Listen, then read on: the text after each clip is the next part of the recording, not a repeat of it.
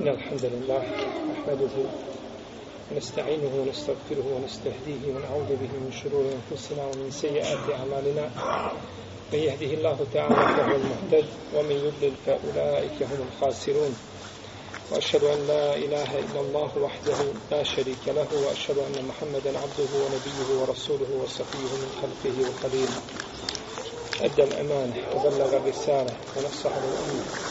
وكشف الله تعالى به الغمة وجاهد في الله حق جهاده حتى يتاه اليقين أما بعد فإن أصدق الكلام كلام الله تعالى خير الهدي هدي محمد صلى الله عليه وسلم وشر الأمور محدثاتها وكل محدثة بدعة وكل بدعة ضلالة وكل ضلالة في النار ثم ما بعد U zadnjem predavanju smo govorili o tome da žene mogu kao i muškarci prisustovati dženazi odnosno namazu. A spominjali smo da je pokuđeno da žene prate dženazu. Time smo završili naše prošlo predavanje. Nakon toga dolazi nam pitanje da li se klanja dženaza dijelovima tijela koji se pronađu znači ne cijelom tijelu, već dijelovima, određenim dijelovima čovjekovog tijela. Navode se predaje od ashaba i tabina koje kruže između slabih i mursel verzija da su a, dozvoljavali ili da su klanjali dijelovima ljudskog tijela. Pa tako navodi Halid ibn Madan od Ebu Ubejde da je klanjao glavi jednoj koja je nađena u Šamu. I prenosi se u debu je Ejuba da je klanjao dijelu noge koja je nađena. Isto tako se prenosi od Omara da je klanjao kostima koje su nađene u Šamu i slično tome.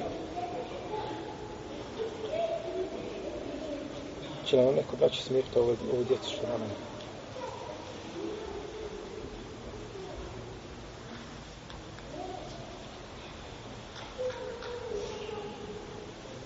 Molio braću koja dovedu djecu sa sobom da, da ih stave pored sebe ili da paze na njih.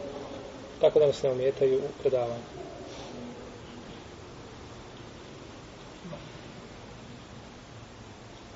Po ome pitanju kod islamskih učenjaka imamo tri mišljenja.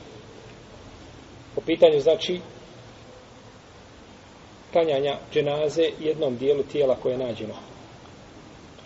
Prvo, da se klanja bio da je taj dio tijela manji ili veći.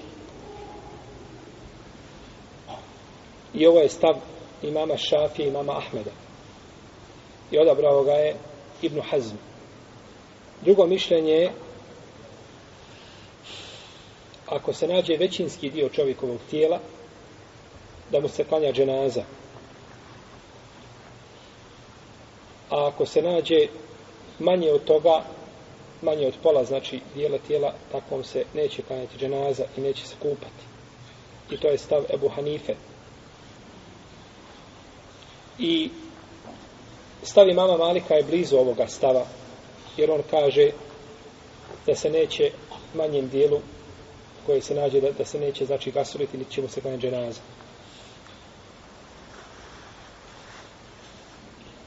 I treće mišljenje da se neće nikako klanjati dženaza takvom ili tom dijelu tijela, to je stav Davuda.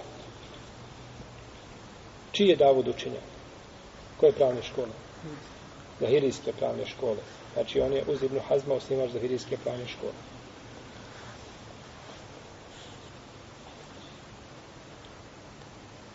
Allahu Teala alem da je dozvoljeno da se klanja dženaza ako se nađe jedan dio tijela ako mu već nije klanjanja obavljena, znači dženaza.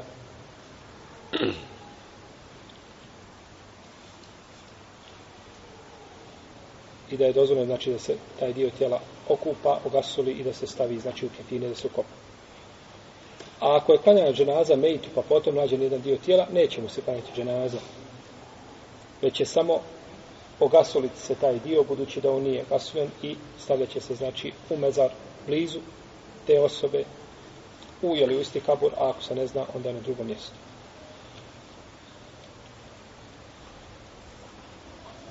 No međutim, neće se klanjati dženaza ako se nađu dijelovi tijela od čovjeka ako je on živ. Na primjer, čovjek, čovjekom izvršena šarijetska kazna. I ostala šaka. Znači, hoće li se njoj klanjati dženaza? Neće, zato što je osoba živa. Jer u vrijeme poslanika, sa osam i nakon toga vrijeme saba su izvršene kazne, no međutim, nije preneseno da je neko klanjao dženazu. Isto tako u bitkama, kada bi čovjek izgubio stopalo ili nogu i slično tome, a on ostao živ, znači propis je isti. Neće se šta tom dijelu klanjati dženaza. Pa vidimo kako je to bilo u njihovo vrijeme moguće, tako i u naše vrijeme. Znači, moguće da ostane čovjek bez jednog dijela tijela i onda se vodi, znači, polemika šta se čini sa tim dijelom tijela. I vidimo, znači, da islamski učenjaci nisu ostavili čak ni ove detalje, da ih nisu pojasnili, da nisu o njima govorili. Znači, da se, šta se čini sa određenim dijelovima tijela koji ostanu nakon čovjeka, bilo da je on, jel, e, bilo da preseli, da ostane živ.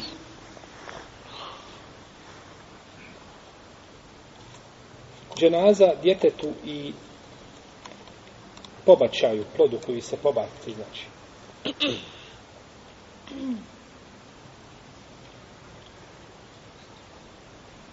Kada govorimo o djetetu, govorimo o djetetu koje nije doživilo svoju punoletnost. Znači, koje je maloletno. Aisha radijallahu ta'ala anha je čula da je poslanik sa osnovim ili vidjela da je kanjao dženazu djetetu pa je kazala blago mu se ptica od dženneckih ptica.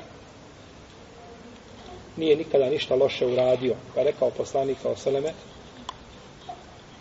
da se nešto drugo kazalo o Ajša uzvišen je Allah je stvorio džennet i stvorio je njemu njegove stanovnike i stvorio džahennem i stvorio njemu njegove stanovnike.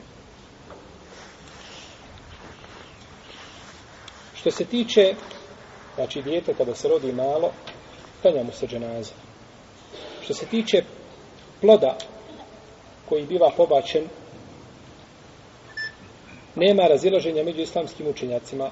Ako je taj plod, ako se znači žena rodila dijete i čuo se dječji glas ili je dao bilo koji drugi znak života, kao da je kihnuo ili da je rukom pomjerio i slično tome, ako je dao, znači, dijete dalo bilo kakve znakove života ili je bilo u inkubatoru i slično tome, takvom se klanja dženaza bez razilaženja među islamskim učenjacima. Kaže Ibnul Munzir u svome dijelu Liđma složili su islamski učenjaci da dijete koje je pokazalo simptome života a, da mu se klanja dženaza. No, međutim, razilaze se ako dijete nije pokazalo znakove života. Jel u redu? Rođeno je mrtvo. Nije pokazalo znakove života.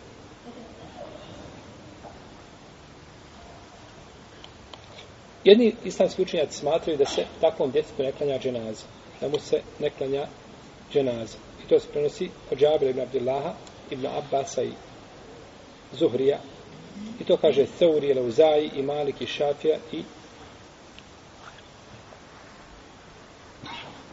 učenjaci Hanefijske pravne škole kažu da djetetu koje nije dalo znakove života da mu se ne klanja dženaza. I kod nas je to jel, pravilo. Mora dijete da zaplače, jel tako? Jeste čuli to? Kažu, ako zaplače, klanja mu se ženaza. Ako ne zaplače, to je, znači, to je u osnovi iz Hanefijske pravne škole. I to je, znači, ispravno po mezhebu. I oni to dokazuju hadisom Džabir ibn Abdillaha i El Misora ibn Mahreme, da je poslanik sa osam rekao neće dijete naslijediti sve dok ne jestahillu sarihan sve dok ne, znači ne, ne podigne svoj glas, odnosno ne zaplače nakon što se rodi. Hoće kazati dok ne znak života. I došlo je u hadisu Ebu Horeira radijallahu anhu da je poslanik sa osaleme rekao kada a, dijete zaplače nakon rođenja ima pravo na nasljedstvo.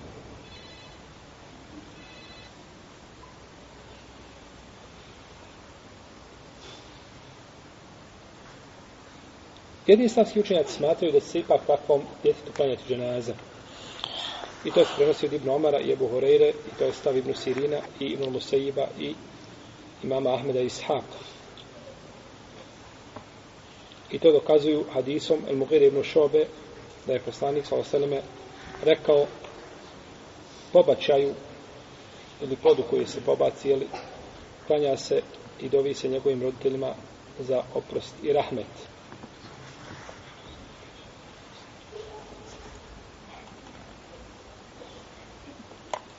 I ovaj hadis bilježi imam termizi sa ispravnim lance prenosilaca.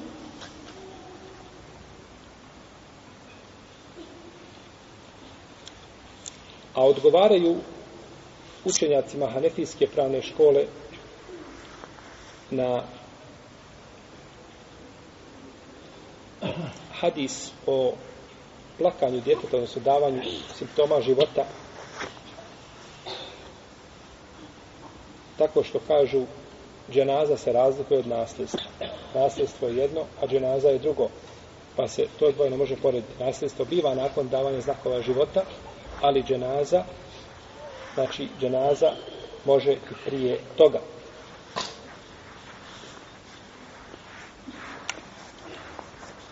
Kaže imam Al-Fattabi, prenosi od Ahmed ibn Hanbala i Ishaqa ibn Rahawaja, su kazali, svako dijete kome je udahnuta duša, ono biva, jeli, propisu osobe koje se klanja dženaza. I kaže vam neovi i spoljašnje značenje ukazuje, odnosno hadisa, ali koji govore o tome, da dijete kome e, se napune, odnosno plod koji napuni četiri mjeseca, biva mu duša udahnuta, da mu se klanja dženaza ako znači napusti maternicu majke, odnosno biva pobačena.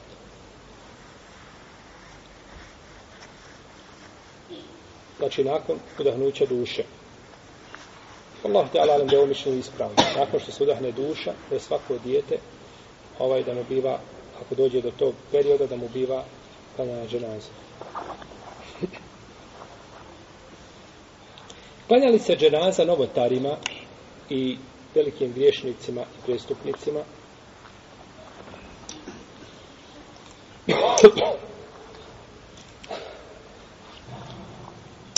Islamski učenjaci kažu da je dozvoljeno, odnosno obavezno klanjati dženazu svim muslimanima. Dok je čovjek, znači, u krugu islama i dok nije izišao van okvira islama, takvom se čovjek klanja dženazu. taman bio i veliki griješnik i prestup. U svakom slučaju, znači, kanja mu se dženazu. No, međutim, ako neko od uglednih ljudi ili učenih ostavi dženazu takvom čovjeku, lijepo je postupio. Da bi druge, znači, ukorio zbog tog ružnog postupka, bilo da se radi o bidatima ili da se radi o griješenju. Kao što je poslanik sa osaname, a, odustao da klanja dženazu čovjeku koji je ubio sam sebe. Nakon što je sam sebe ubio, nije mu htio poslanica, sa sam klanja dženazu. Što smo vi kazali prošli put kada smo govorili o čovjeku koji sam sebe ubio? On kazat ćemo je skin sa vješala i klanjati dženazu. Jesmo li? Poslanica, ali sam mu nije klanjao dženazu kako je došao kod muslima u sahiju kada je rečeno da je sam sebe ubio, nije mu htio klanjati džemazu. Je li to isti propis kao kod čovjeka koji je umro pod dugom? Jest.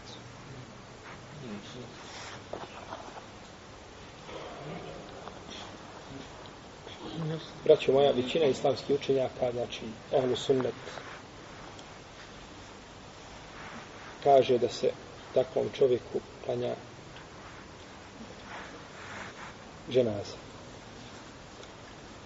Poslanik sa osam kada je odbio da mu klanja dženazu, kod muslima je došlo da mu nije htio klanja dženazu. No međutim, mi da bismo shvatili hadis, neophodno je da ga spojimo i da ga uzmemo sa svih strana i puteva kojim je došao, sve verzije, pa da ih uporedimo.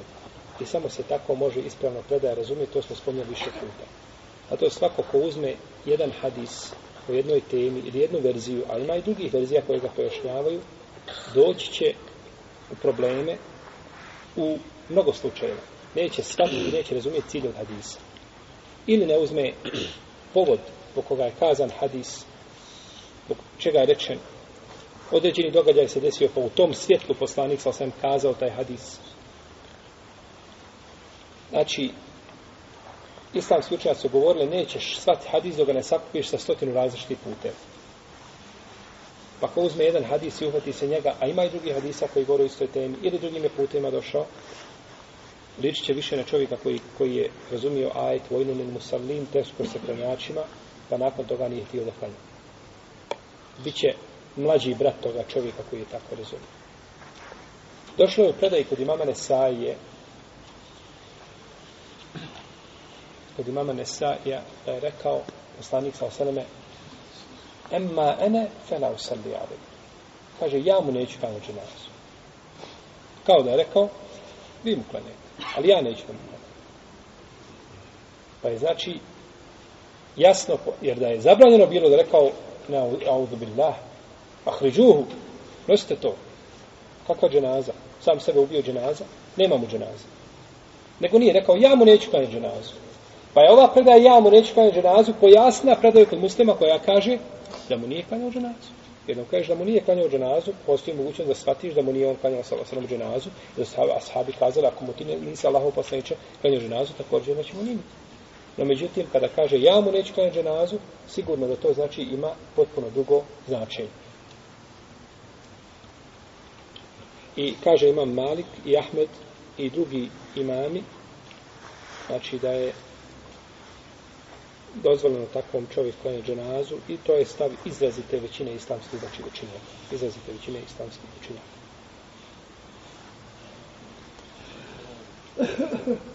Dženaza onome ko je umro pod dugom. Spominjali smo, znači, prethodno, prethodno smo spominjali da je poslanik sam pitao za čovjeka pa je rekao, klanjajte mu dženazu. Ja mu neću klanjati dženazu.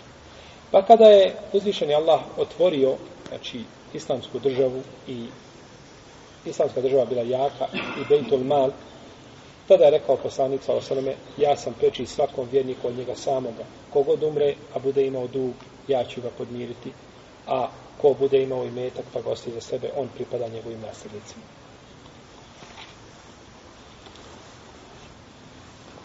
Pa je poslanik sa osaleme ostavio, znači, dženazu čovjek koji umro pod dugom, da ljudi ne bi olahko svatali dug. Znači, čovjek pozajmi, i nakon toga ti promijeni broj i ne javlja se i promijeni mjesto stanovanja. I ako ga slučajno dobiješ on već ima priču spremnu kako da te odradi i kako da te ubijedi da, da još samo te ne ubijedi da si ti njemu dužan. Još se samo to ostalo. I nakon toga preseli pa je poslanik sa osam htio da ukaže znači na veličinu grijeha koga ljudi čine tako da danas muslimani neće ostaviti znači neće, neće ostaviti namaz ljudima koji su umreli pod dugom. Što se tiče čovjeka koji ubije sam sebe, tu islamski učenjaci imaju tri mišljenja. Da, još podrobnije, znači, pojasnimo ovo pitanje tako, jer mnogo puta ljudi, znači, ne shvataju a, ili ne znaju ovo pitanje, pa nakon toga upadaju probleme.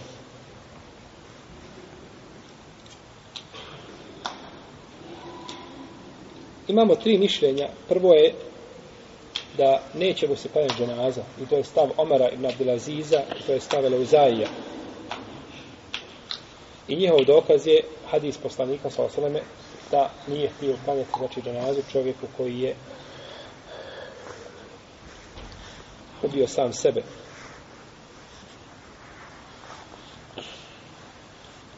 Drugo mišljenje da će mu se klanjati dženaza, to je stav Hasana i Nefa i Katade i Malika i Buhanife i Šafija i džumhura islamskih pravnika. Kaže imam el Qadi mezheb svih učenjaka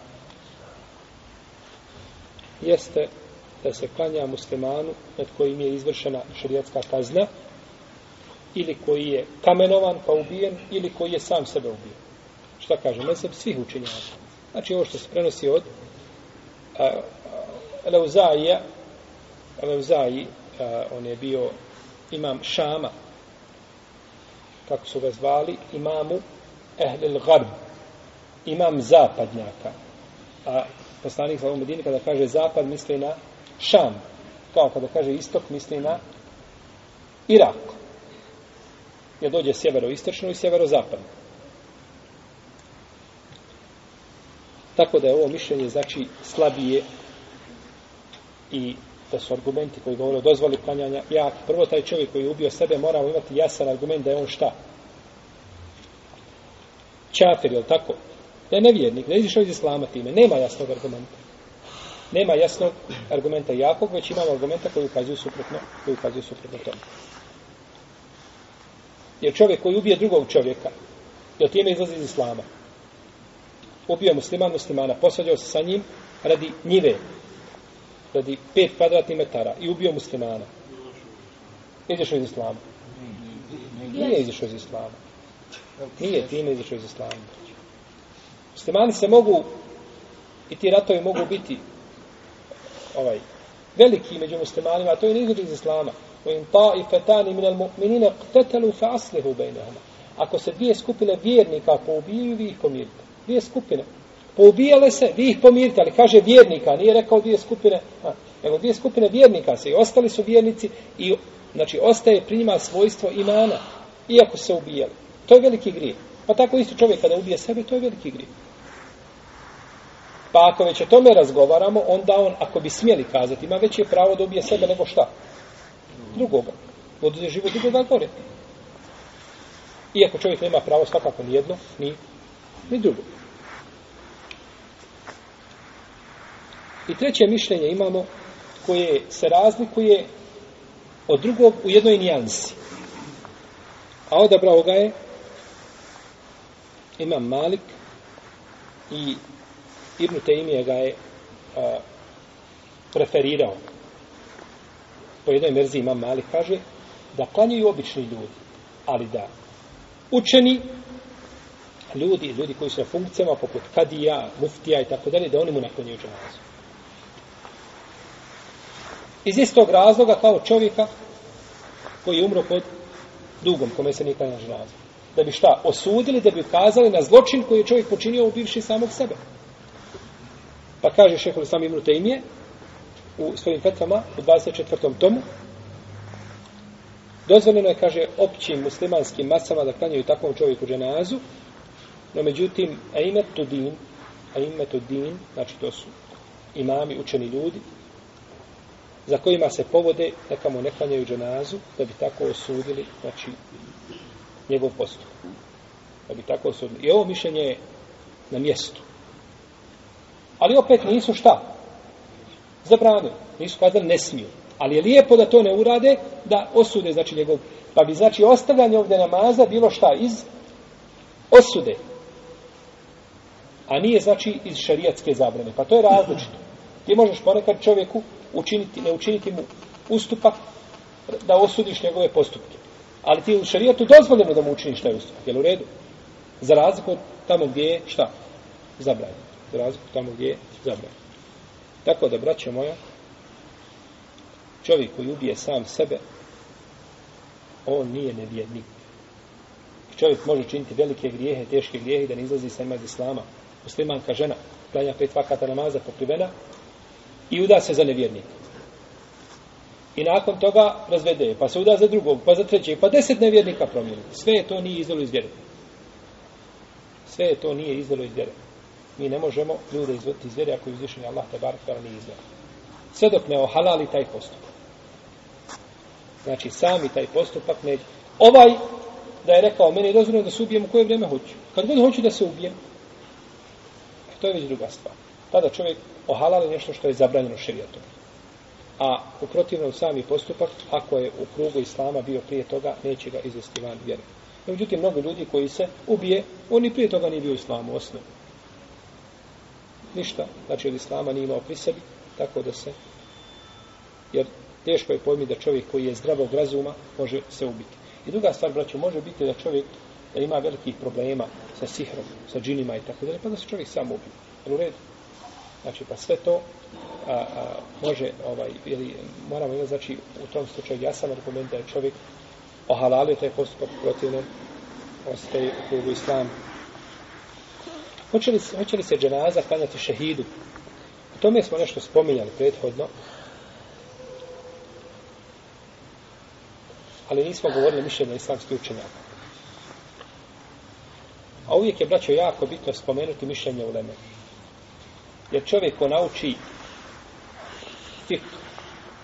iz hadisa, prvo uzimajući argumente, i potom spominjući stavove islamskih učenjaka, njegov će fik biti puno, puno fleksibilniji. Moći će razumijeti ljude koji rade suprotno njemu ili imaju drugo mišljenje. Za razliku čovjeka koji je učio samo jedno i ide po tome i ne zna ništa drugo. Nikad nije čuo da ima drugo mišljenje. Jer kada čuje da ima drugo mišljenje, odmah se u nervozi. Muka mu nekako.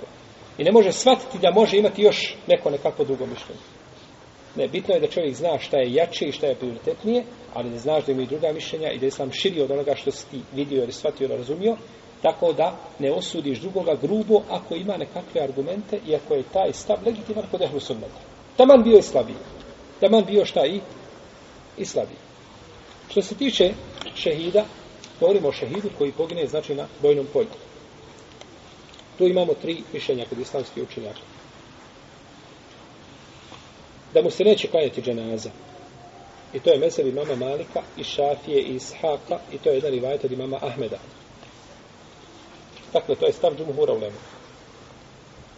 I to dokazuje hadisom Džabira da poslanik sallallahu sallame da je umotao odnosno da je ukopao uh, šehide Uhuda u njihovoj odjeći koja je bila natopljena krvlju i da im nije klanjao dženazu. I to je došlo u hadisu isto Enesa da je poslanik sallallahu tako učinio sa šehidima Uhuda osim Hamze. Osim Hamze. Njemu je klanjao znači dženazu, čak u jednoj predaji koja ima kod nekih učenjaka, e, koliko se sjećam da je kod Tahavi u njegovom dijelu Šarhul Ma'an e, Al-Athar, ili je u Šarhul Muškil, to je šeha Albani, koliko sećam u njegovoj knjizi Saratul ili Ahkamul Dženaiz, da je predaja dobra, da mu je poslanik, ali sam klanjao u dženazu sa devet tekvira. Ali je poznato, poznato je da je klanjao u dženazu sa četiri tekvira.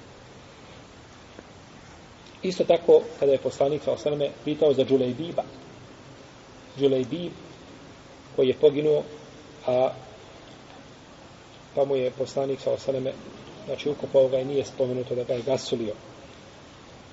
Nije spomenuto da ga je gasulio.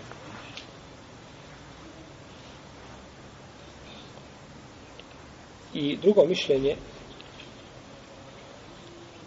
da će se panjiti dženaza i to je stavi mama i Hanife i Seurija. I također Ibn Musejiba i Hasana i to dokazuju predajom Šedada ibn Hada da je čovjek došao kod poslanika sa osamene pa je nešto Resulullah sa osam dijelio od imetka pa je rekao ja nisam došao u islam Allaho poslanik zbog toga nego sam došao u islam kaže da mi ovdje uđe strela i da mi vamo iziđe da pogledam na Allahom putu pa je izišao u jednu bitku pa su ga donijeli kod poslanika sa osamene nakon što je postigao šehadet. Pa kaže, je li to taj čovjek koji je rekao, kaže, jeste. Kaže, poslanik, sallallahu sallam, sadaka Allah, na sadaka On je bio iskren prema Allahu, pa je Allah bio prema njemu iskren. Pa je ispunio njegovu, njegovu želju. Pa je poslanik sa osadom umotao u svoje džube i klanjao mu ženazu.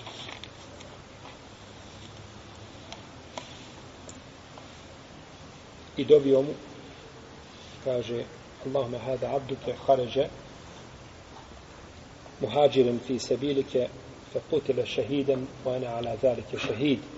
Kaže, Allahu dragi, ovaj tvoj rob, izišao je kao muhađir na tvome putu i ubijen je kao šehid ja svjedočim tome pa možemo posvjedočiti da je 100% ovaj čovjek šta šehid zato braću nije dozvoljeno nikome da za nekoga tvrdi 100% da je šehid to je zabranjeno Taman da je poginuo na bojnom polju.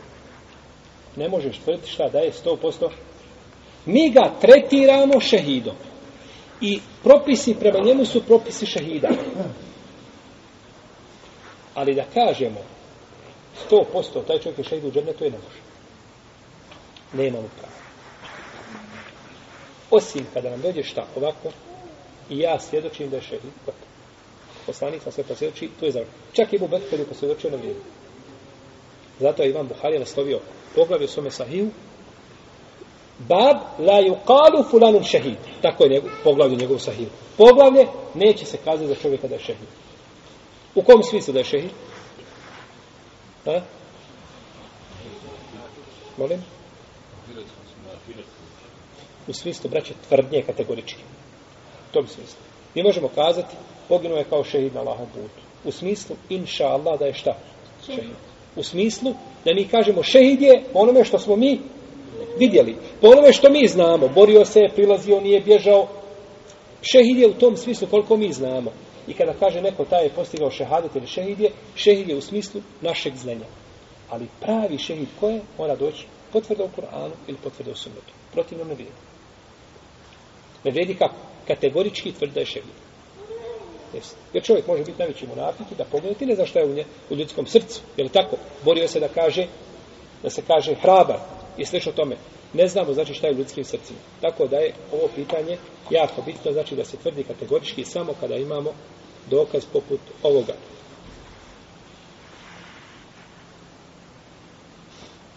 I hadis Ukve ibn Amira da je poslanik sa osaname klanjao u dženazu, a šehidima uhoda osam godina nakon toga. I to je kod Buhari i kod muslima. Ima i druge hadisi, druge hadisi koji dokazuju, međutim, oni su imaju slabe lance prenosilaca. I treće mišljenje, i ono bi, Allah najbolje zna, moglo biti najispravnije. Njega odabrao Ibn Hazm, i to je jedan rivajet od imama Ahmeda, i odabrao ga Ibn Qajim. Da je dozvoljeno jedno i drugo. Ako mu klanja ženazu, hajri bereket. Ako mu ne klanja ženazu, hajri bereket. Jer jedno i drugo se prenosi od poslanika, sallallahu. Ako da beremo jedno mišljenje, os, uže, uzeli smo samo rad šta po jednom dijelu argumenta. Ili po jednom mišljenju. A ako da beremo drugo, isto smo postupili. Ako kažemo jedno je derogirano, opet smo odbacili jednu skupinu argumenta, stavili ih van snage. A najpreće je raditi po jednoj i po drugoj skupini. Pa kažemo, šehidu je dozvoljeno klanjati dženazu, i ako se tako uči, nema smetnje, a ako se suprotno postupi, isto tako nema smetnje. Pa je možda lijepo praktikovati jedno i drugo radi očuvanja sunneta. Jer je jedno i drugo praktikovao poslanica osrame i nije došlo znači ništa što ukazuje da, da je jedan, znači da se jedni argumenti do, do, dokinuli drugi argument. Ovo je znači kada se kada je u pitanju šehid koji pogine na bojnom polju. Što se tiče šehida, odnosno ljudi koji mogu postići šehadet na druge načine, njima se klanja dženaza, pavaju se u kefine, gasule se, prema njima se sprovode, znači, svi propisi ostalih muslimana. S tim što oni na sudnjem danu imaju posebnu dređu, to je šehadet. Ali ovdje, znači, na ovome svijetu, mi prema njima imamo odnos kao prema drugim umrlim muslimanima. Allah ta'ala ala. Sallallahu ala nabina Muhammed wa ala alihi wa sallam. Ima već pitanja vezani za ovo čemu smo govorili, mimo toga bojite. Eh, da će šehidi sad, znači, koji poginu na bojnom polju, da li imaju eh, na hiretu istu nagradu kao, kao šehidi koji Šehadet ima svoje dereče. I sigurno da je poginut na bojnom polju kao šehid, ovaj, da je to veći stepen, veća deređa nego poginuti da se, ne znam, ostomršne bolesti. Ili poginuti od, da se na čovjeka sruši a, kuća i tako dalje. Jer čovjek ovo nije očekivao. To se desilo, nemaš izbora. Ha, nema čovjek izbora. Čovjek poginuo u požaru. Da je čovjek znao da će biti požar, da ne pobjegao odatle, svakako. Znači, to se desilo mimo njegove šta volje njegovog izbora. Da je bio žrtva. No, međutim, čovjek koji izvije na Allahovom putu, to je šta njegovim izborom. I zna da može poginuti, ali kaže, ja pored toga žrtvujem svoj život sa riječ Allaha, te kroz njegovu vjeru, da bude godnja i iziđe. Pa ne može biti isti onaj koji pogine ne svojom voljom i čovjek koji zna da će poginuti svojom voljom i iziđe i pogine na Allahom putu i žrtvoj svoj život. Ne može biti nikako isto. No, međutim, kolika deređa kome pripada, ovisi, sve to zavisi, sve, sve se to razlikuje. Ovaj. Za imama Neovija se kaže, neki kažu, ja nisam našao nigdje u knjigama, jako sam dugo tražio, nastavit ću tražiti, dok ne nađem, da je poginuo kao E, da, je, da, da se na njega srušila njegova biblioteka. Su knjige pale su ga ubili. Za čovjeka se kaže o sahibul hedmi šehid. Tako je došlo u hadisu kod imama Nesaje i kod, i kod e, Tirmizije i došlo kod imama Ahmeda i Hakima i drugi. Da čovjek na koga se sruši nešto da je šehid. Dobro, sruši se na tebe zid šehid. Krov, onaj plafon, ploča se sruši na glavu. Pa dobro, knjige su vrijednije od zidina, tako staramo malo. Pa je preči on da bude šehid, jel? U svakom slučaju ovaj, ne može čovjek, znači, doći do stepena šehida, znači, koji je na bojnom polju, na jednostavan način. To je posebno namjera, jesno. I sve što spomnio u Kur'anu od šehadeta i od šehida, uglavnom se odnosi, znači, na, na šehida koji je poginuo na bojnom polju. Jesno. Reci. Vezano za poslanik sa sve nije klanjao na bitci na uhodu ovim šehidima. Dobro. Koja se mudrost prije iza toga znači? Zašto se ne klanja dženazu? Koja se mudrost krije u tome da mi tavafimo sedam kugova kjabe, da bacamo sedam kamenčića, da klanjamo akšan tri rekiata, da postimo samo Ramazan, obavezno. Allahu anem kakva je mudrost. Ponekad, braćo, ima nešto što je u šarijetu kod učenjaka islamske jurisprudencije kažu da je nešto makulul mana i nešto gajru makulul mana. Nešto je shvatljivo, razumljivo, razumom, a nešto nije, ne možeš dokučiti.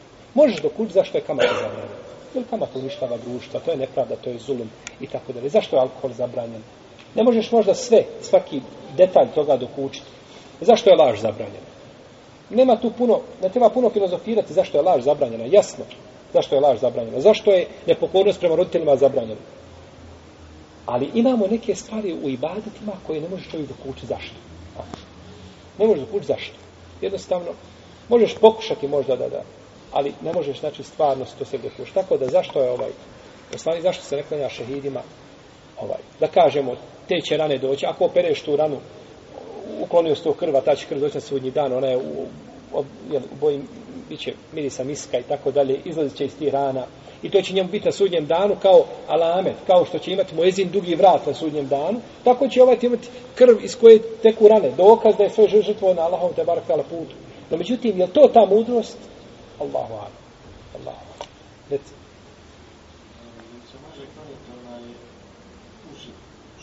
Mi smo počeli sa lijeve strane, ne znači da je desna bolja. U redu. Reci. Šumete povodne i jacijski, ako nisam umoran, ili bolnicama, šta je vam, može se kada je stara. Nisam razumio pitanje. Šumete potvrđene. Dobro. Dobro. Radi umora? Aha, aha, ne može. Ne može zato što je to svaki namaz koji je ciljan po sebi. Pa čovjek se odmori, čovjek se odmori i onda klanja istiharu kad bude on odmoran ili istihara nema vrijeme. Istiharu kad čak istiharu kad klanjaju u zabranjenom vremenu, onim vremenima gdje je zabranjeno kad smo govorili, i to je dozvoljeno. Kao te hijetom mjeseče. Tako da istihara nema vremena, nego se klanja kada je čovjek, kada ima mogućnost, a ako je umoran, neka klanja ono što treba klanjati ili ono što, što, što će ga proći. Na primjer, umoran si, imaš podnevske sunnete. I možeš klanjati dva rekiata, zaista nisi za više. A ostala dva rekiata podnevska, znači nakon namaza. I nakon toga nastupa i kindija. Kažemo, klanjaj ta dva rekiata, da te ne prođu, jer oni imaju ograničeno vrijeme, a istihara nema ograničeno vrijeme. Pa daj vrijedno, prednost onome što ima ograničeno vrijeme da, da ga ne propustiš, a nakon toga klanjaj šta? Klanjaj istihara. Jesu. Ali može dva ili tri nijeta sa jednom stranom. Kako dva ili tri nijeta? Na primjer, radi jedan jedan Kad više stvar. za nešto i drugi za nešto različito ili može sa Više A, može, ako bi ti klanjao za, za jednu stvar više namaza, ili za više stvari, jedan namaz može išao sve, sve ispravno. Sve ispravno. Znači, kako je propis kod nas u ekshumaciji to vezano za klanjanje dženaza? Koji čovjek poginuo prije 5 godina sebe negdje našli, proćete ga na nekom drugom mjestu. Ako nije klanjana ženaza, to je čovjek koji je poginuo, poginuo i ukopan bez ženaze i nakon toga bude smacija, inša Allah hvala da nema smetnje. Govorili smo znači da je to dijelovima tijela, iako nije klanjana ta ženaza, da je to Allah dozvoljeno. Samo to Pa da bi čovjek našao, da bi znao kako i šta i da se premjeste u muslimanske se mezare napravi, nema smetnje Allah u tome. Nema smetnje Allah. Ima on neka deređa najvišeg vida šehida. Ima Hamzina deređa. Sejdu šuheda. Da je on poglavar šehida. A kakva je deređa? Allahu alam. A mladić će znati Džavđala. Isto se njima isto. I mladić, to će biti, to će biti znači naj, najveći šehid u svoje vrijeme koji pogine tako. Ne mora znaš kada se kaže znači, jednoj osobi kada se da prednost i druga spomene se, mogu biti znači po deređi blizu ili slični i tako dalje, no međutim Hamza je poznat jeli, kao, kao Sejdu Šuhed. Ovih 12 suneta što se spominju hadisu. Dobro. Da se, da se tehijat u mečetu može ubrati. Ne može, ne može. To je hadis muslima, ovaj, 12, to se misli znači na dva rekata sabarskog sunneta, i dva, i četiri prije podne, i dva poslije podne, i dva poslije akšama, i dva poslije jaci. Molim? Ne, ne, ne ulazi to. Ovo se govori o sunnetima, braćo ravatib, koji su vezani za propisane namaze. To su ti sunnet koji su vezani za propisane. Duha ima svoju nagradu. A, istihara ima svoju nagradu. Tetu mesu ima svoju nagradu. No, međutim, hadisi koji govore o tome da će mu Allah čovjek koji to bude redovno klanjao se vrati kuću u džennet, to su, znači, koji se tiču sunneti propisanih namaza. Yes. Se?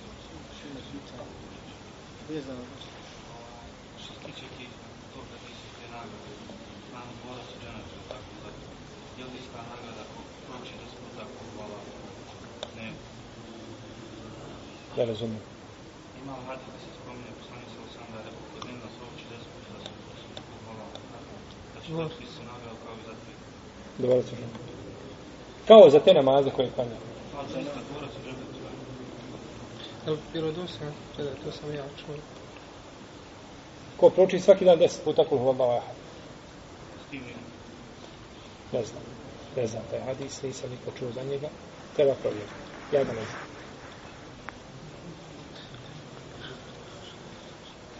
Možemo to provjeriti što kada za naredni put, ali nisam čuo nikom taj hadis. Što ne znači nikako da nema. Već, Evo ja imam ovdje neka pitanja, pa budem sam. Da. Što je to?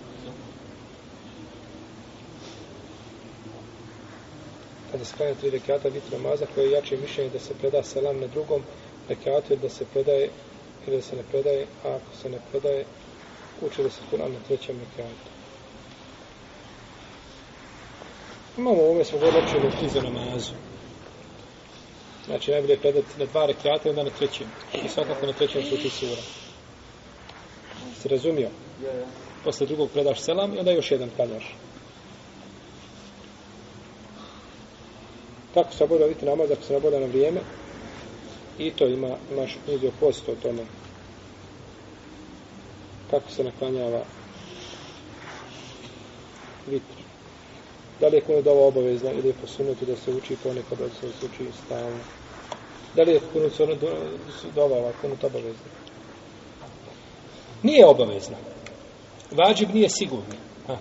To bez ikakve sumnje. Kako došlo u hadisu Hasana ibn Alije, radi Allahu anhu, unuka poslanika sa osaleme, da ga je poslanik sa osaleme poučio Allahumma hdini fi men hedejt, wa afini fi men afijet, je li poznata dova koja se uči na kunutu. No, međutim, brojni ashabi prenose kunut i niko nije spomenuo, prenose u stvari vitr i niko nije spomenuo kunut osim u ome hadisu. Što ukazuje da kunut ponekad ako se čini, a ponekad ako se ostavi, nikakve smetnje nema. Da kunut nije čak, možda čak nije sunnet stalno da se čini. Koga čini ne smeta. Ali kad ga čovjek ponekad ostavio, nikakve smetnje nema. Ne mora čini zbog toga sve sebi. Jel u redu? Jer, braćo, nešto je prenešeno. U puno hadisa došlo. Prenosi se, prenosi se, prenosi se. I, ali samo jedan ashab spomnije jedan detalj. A drugi nikoga nije spomenuo. Što ukazuje da poslanik na sveme nije to stalno činio. U protivnom i drugi je šta spomenu tu? Tu stvar. Da li je pustanje brade sunnet ili vađib i razlika između ta dva, tala na gledu. Bitno je pustiti bradu. Bitno je imati bradu. Bitno je imati bradu. Brada je sunnet poslanika, sa sam, praksa. To je praksa poslanika, sa i praksa svih poslanika prije njega.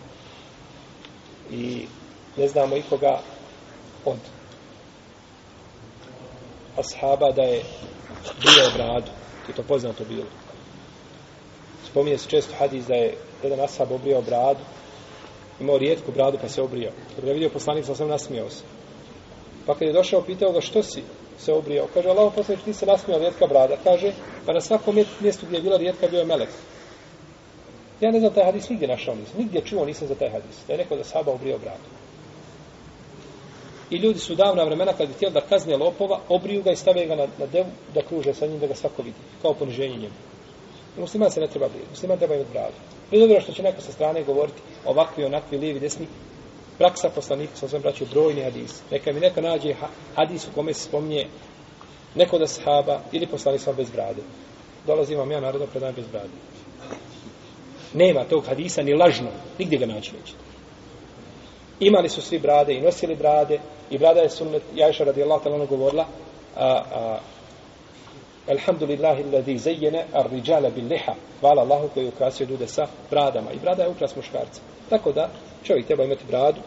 Ispravno je kod islamskih učenjaka, kod imama četvrpravne škole da je brada vađib, a da je brijanje brade haram. To spominje Ibn Taymi u svojim petkama. Ibn Omar kaže, naredio nam je poslanik sa osam pustanje brade. Zamislite, braćo, da je ovdje poslanik sa osam među nama i kaže muslimani, morate pustiti brade, ja vam naređujem. Šta bi ti rekao? Allah poslanik, pola. Čekaj, da se dogovorimo. Dakle, samo, Da. Naredio Allah poslanik sa osam. I obaveza je znači da se čovjek tome pokoji. Ne kaže se ko nema brade da nije musliman, da je ovaj, ne, no međutim, to je stvar koja upotpunjava njegovo, njegovo, jer ovaj, mi kako sledimo poslanika u namazu, tako ga sledimo i u našem odjevanju, i u našem govoru, i u našem ahlaku, i na kraju našem izgledu. I sve što nam je obavezao, obavezao nas je, tako da, braćo, vi imate na, na čovjek na tijelu, ima tri vrste dlaka. Ima dlake koje, koje ne smije dirati, poput klepavica, poput brade. Ima dlake koje mu je naređeno da ih uzima, poput sidom mjesta, poput pazuha. I imate treću skupinu koja je prešutana. Kod prve dvije skupine, prvu skupinu mora čovjek ostaviti kako jeste, ne smiješ je dirati. Zabranjeno se da je šerijetski diraš. Druga skupina, moraš je uzimati. I treća skupina je prešutana. Šta je sa njom? Dozvoljeno ili je zabranjeno? To je razilaženje među nama. Jedni kažu, šeh Albanije govorio, to je, to je zabranjeno.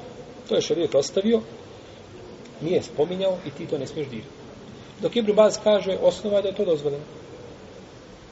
I nije spomenuto, nije prešutano šarijetom, dozvoljeno je. Pa kaže, dozvoljeno je čovjeku da obrije, na primjer, svoje grudi, muškarac.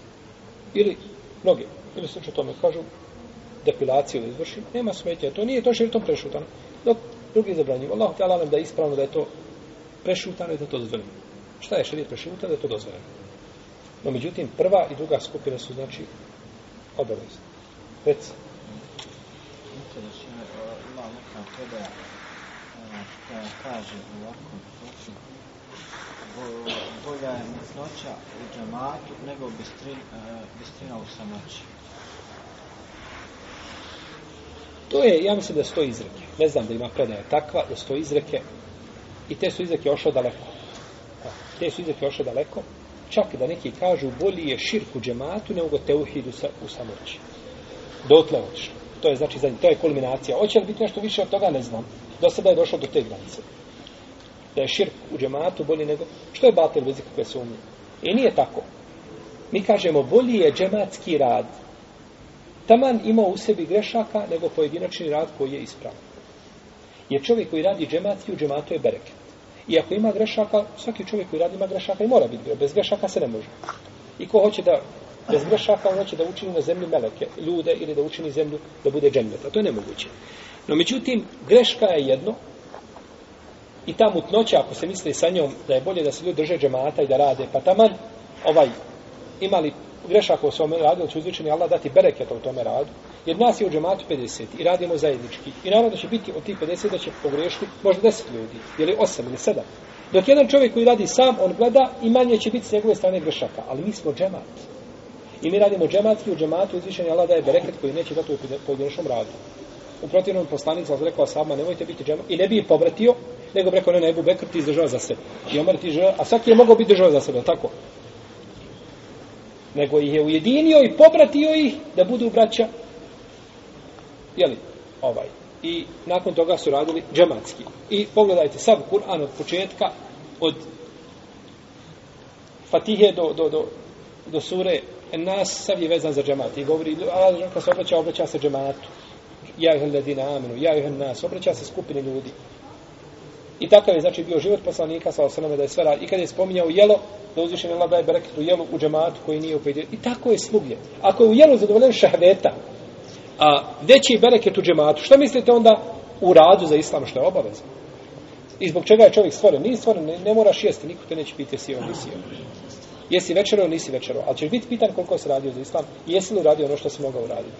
Pa tako da je taj džematski rad sigurno bolji, ali kažem, ova definicija, ta rečenica, ne bi joj se smjela dati dimenzija veća nego što zaslužuje. Jel u redu? Reci.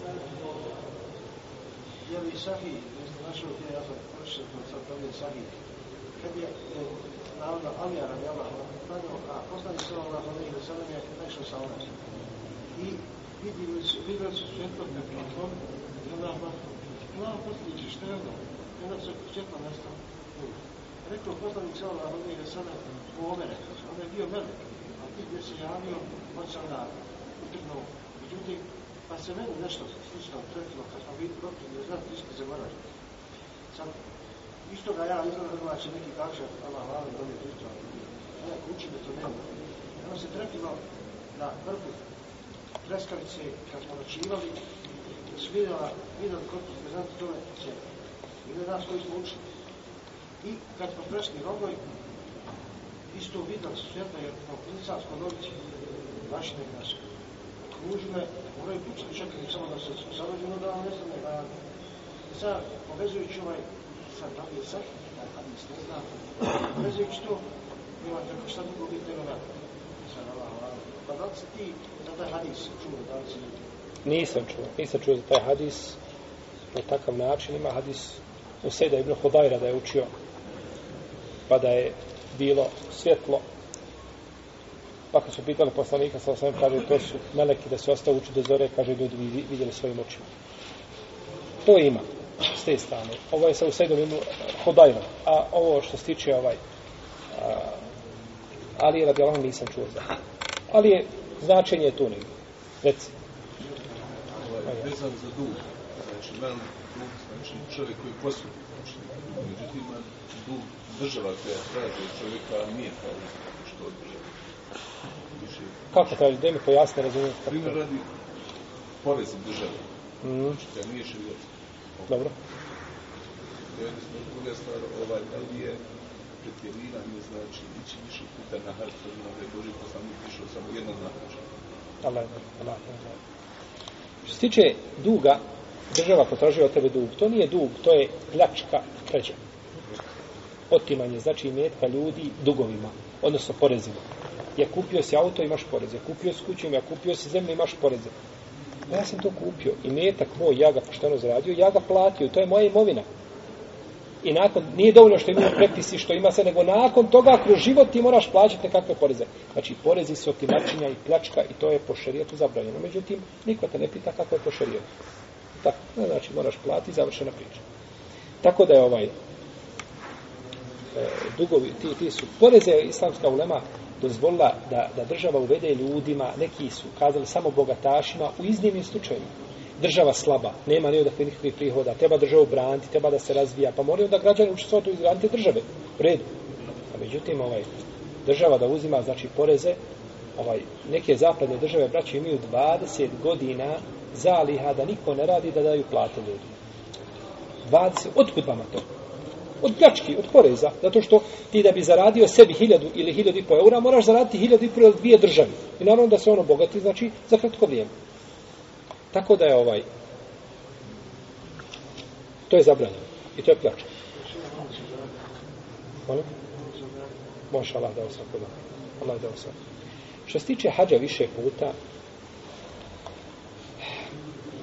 Islamska ulema u Saudijskoj Arabiji savjetuje ljudima da idu na hađ svaki 4 ili 5 godina. Da ne idu svake godine. Da ljudima ne uzmeju mjesto.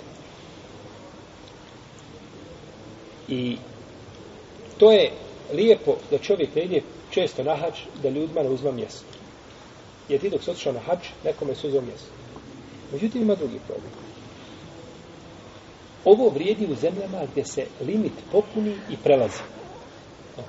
Na primjer, u Egiptu je dozvoljeno, ne znam, da ide, šta ja znam, 300.000 ili 500.000 ljudi na hađu. A prijavi se na hađ 6 miliona. I sada ko ide po dva puta, nekakvom ima posebno nekakvu preporuku od nekoga pa dođe, da uzme mjesto čovjeku. No, međutim, iz Bosne se ne popuni taj limit, recimo. Ostane 1700 hađija, mi imamo, na primjer, pravo 2000, ove se godine je li prešao. I ako ti ne odeš odavde, niko drugi neće otići. Neće čovjek iz Turske otići na tvoje mjesto. Jer gotovo, svaka država ima svoj limit. Kada se popuni, ne prebacivaš ništa drugoj zemlji. E onda, idi ako možeš. Dala da obar, kaj, idi. Ali da čovjek ide svake 4-5 godina, to je bolje. Jer je došlo u hadisu poslanika, sa osanom koga bilježi Ibn Hibban, u kome je rekao, kome dam zdravlje i metak, pa me ne posjeti svakih 4 ili 5 godina, fe innehu mahrumun. On je zaista, njemu je uskraćeno svako dobro.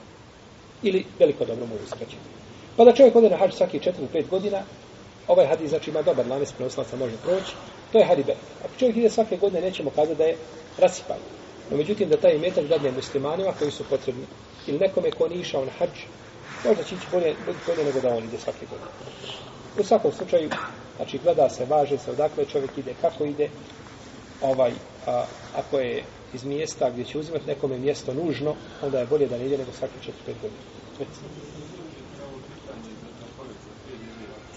Firmu privatnu, da vam dozvoljeno šaraca da pita ljudi u poredu. Znači, ne sve što ja što Će mi doći u zatvor i donijeti mi Hoćeš mi doći u zatvor i donijeti mi poklon?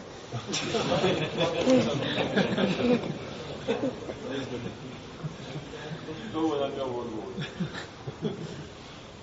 Braće, mi govorimo šarijetske stavove. I ponekad kad kaže šarijetski stav, znači, mislim da čovjek treba uzeti šarijetski stav. Dodata pitanja su pitanja finesa.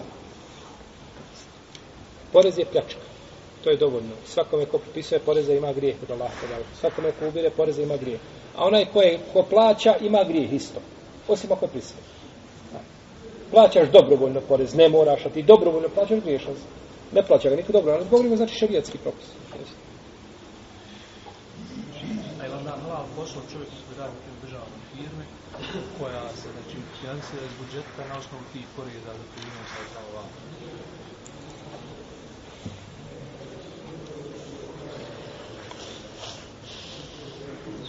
Allahu ne mogu ništa reći. Ne znam ti odgovoriti na to pitanje. Ne znam koliko se, i teško je to provjeriti dakle se financira kakve vrste je to. To ide u jedan budžet, iz toga se finansira, znači u budžetu su različita sredstva. Šta je čega, to je teško, teško je to razlučiti. I pitanje je svakom slučaju za službene fetke. Reci. Če reci usko? Ajde, reci pa ćemo završiti.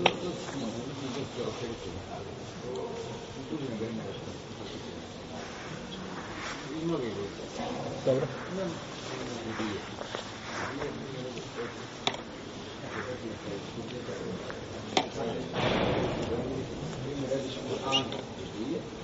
Dobro.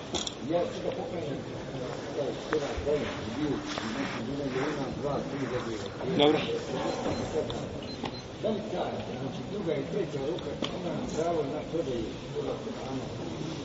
To je jedno pitanje.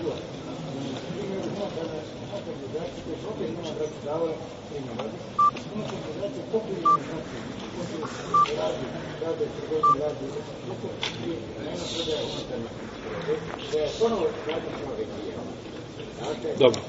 E, sada pravo na te nove Što se tiče prodaje Kur'ana, tu je razilaženje među lemom. Prodaja Kur'ana vodi se spod među lemom. Jedni kažu zabranjeno je prodavanje Kur'ana općenito. To je jedan stav leme. Drugi kažu dozvoljeno je prodavati Kur'ane samo po cijeni štampe, da nema zaradu čovjeka. Samo po cijeni ga štampa prodaješ. A što se tiče hedija, prodavanje, tebi neko da hediju, tebi je hediju dozvoljeno prodati. Hediju, dobio si hediju od te i te organizacije tebi je dozvoljeno da raspolažeš sa njom kako želiš. Slušaj. Ti si dobio hediju. A? Kad mi nešto daš kao poklon ili mi nešto prodaš, ne možeš mi uslovljavati. Zabranjeno je prodavati u smislu da čovjek uzme količinu i da prodaje ljudima. U redu. Ako, sam, ako, sada, ako je sad čovjek koji je, koji je, koji je ovaj, dao hediju, napiše da je zabranjeno prodavanje te hedije, da se to možeš samo ljudima da ti poslužiš, da daš drugom, to je druga stvar. No, međutim, ja tebi donesem hediju, poklonim ti knjigu hedije, ili ti poklonim, ne znam, šta ja znam, miris hedije. Ne mogu ti ja usloviti, ne smiješ ovo prodavati. Ako si mi ga poklonio, ovaj, onda, znači, ostaje da, je, da, da se tim poklonom, znači, može vas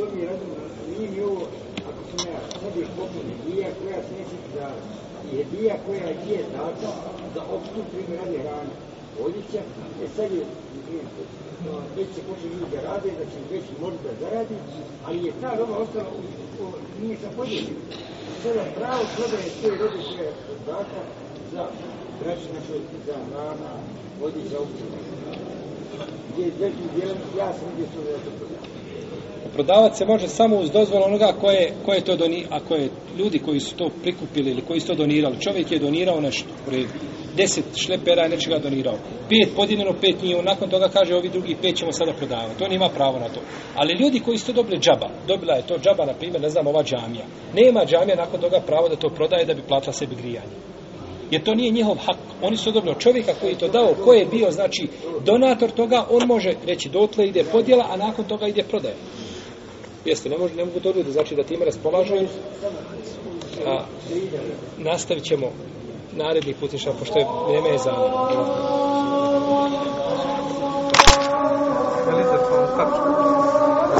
Šejh, koliko ima još do kraja ovog toma? Mali, dajte.